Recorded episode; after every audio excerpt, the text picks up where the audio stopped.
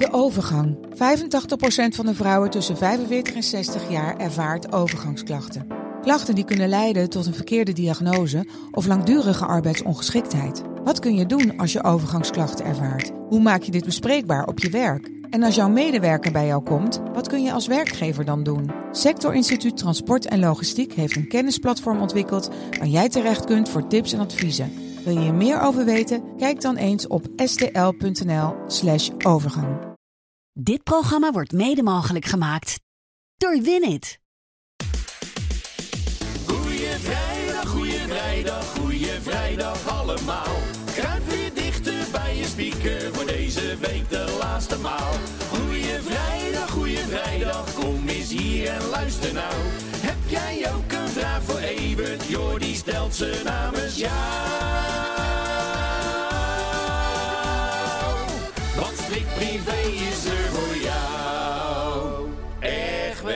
Voordat wij vandaag de vraag. Nou, nou, nou, nou, dat had Gordon toch ook niet aanzien komen. Dat Nee. een spook uit het verleden hem nog zo zou achtervolgen. Maar hij heeft het wel aan zichzelf te danken. In november heeft hij dat interview gegeven aan Bo. Ja, Bo shit van, eh, op die berg. ja. En vooral, ja, de reacties waren tijdens de uitzending al vernietigend. Eh, vooral het verhaal over eh, Gavin Rosario's broer, die dan zelfmoord gepleegd heeft. En eh, ja, daardoor had hij ook schade aan zijn hoofd. En daardoor deed hij zo gek. En Bo die daar niks tegen inbracht. ja. En op een gegeven moment komt zo'n verhaal toch terecht in Australië. en hij laat het er even. niet mee zit, bij zitten. Ja. En heeft eh, Gordon laten dagvaarden voor een rechtszaak die, naar mijn informatie, volgende week gaat dienen ergens. Het is Mhm. nog niet te vinden op de rol van een of andere rechtbank. Mhm. Maar of ze elkaar terug gaan zien of dat hij in Australië blijft, dat weet ik ook niet. Dat Mhm. kun je natuurlijk uitbesteden aan je advocaat. Maar op die manier krijgt de, de affaire van vorig jaar rond deze tijd, Ja. toen ze nog zo gelukkig waren, een naar, eh, naar gevolg voor Gordon. Want die probeert zijn eh, comeback te vieren zonder affaires, zei die, had hij zich nog voorgenomen. Nou, eh, Dries Roelvink beledigd, Gerard Joling beledigd. Ja. Nou, die Gavin weer over zich heen. En vorig jaar april heeft die Gavin inderdaad zijn verhaal gedaan bij ons. En eh, ja, dat was nogal spraakmakend, moet Ja. ik zeggen. Veel spraakmakender dan ik verwacht had toen ik hem benaderde.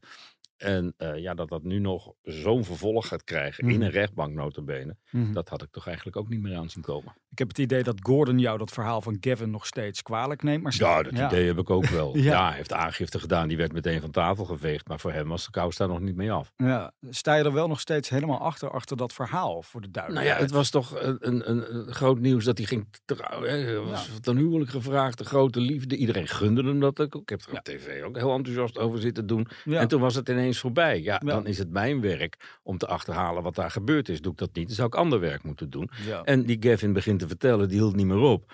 En die vertelde dat op zo'n sympathieke manier dat hij heel Nederland aan zijn kant had. En dan kan Gordon wel zeggen, het was een golddigger. Nou, daar hebben wij nog olddigger van gemaakt. en het, nog, ja, het is, ja. ja. En, en, en nu gaan we alsnog horen wat er allemaal eh, fout is gegaan. ja. Want ja, hij vindt het de moeite waard om vanuit Australië notabene Mhm. tegen Gordon te gaan procederen. En dat op de dag dat dus het album van Gordon zijn leven vandaag uitkomt. Er hangt dan toch wel een zwelm van negativiteit helaas Telkens voor hem. weer, hè. Ja. Naar het liedje van Mhm. Willeke Alberti op het album voor de mensen die het album Ja. nog niet hebben gekocht. Nee, oh, ik had het gisteren gekregen van je. Maar Nou. het was, eh, ik heb er met plezier naar zitten luisteren, dat moet ik zeggen. Maak ook altijd het onderscheid tussen Gordon de zanger en Gordon de geoot en de stampvoetende kleuter.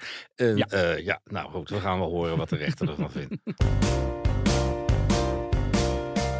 Eventjes aan Evert vragen, dat lijkt me echt een goed plan.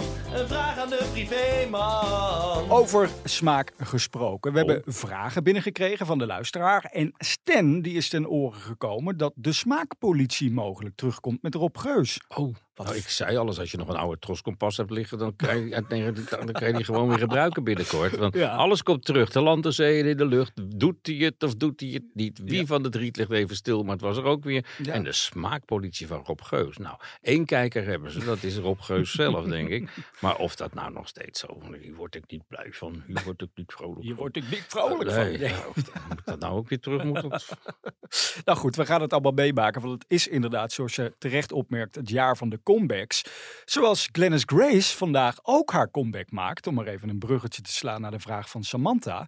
Maar toch zijn er mensen die haar die Jumbo-rel maar niet lijken te vergeven. Ja, en toch hebben we daar afspraken over gemaakt met z'n allen. Dat Ja. als je je straf hebt uitgezeten, dat je dan een tweede kans verdient. En eh, dat is misschien bij entertainment wat anders, omdat je die persoon niet meer los kan zien van wat je er nog meer over weet. Ja. Maar ja, ze, ze- ze is een fantastische zangeres. Dat vindt zelfs de sultan van Brunei die er liet Nou. overvliegen. Ja. Dus ja, voor, voor Glennis is er niet eens een man overboord als Nederland er niet meer zou zien zitten. Want dan ligt er gewoon in het buitenland een, een hele markt voor de open. Ja. Met dat repertoire van Whitney.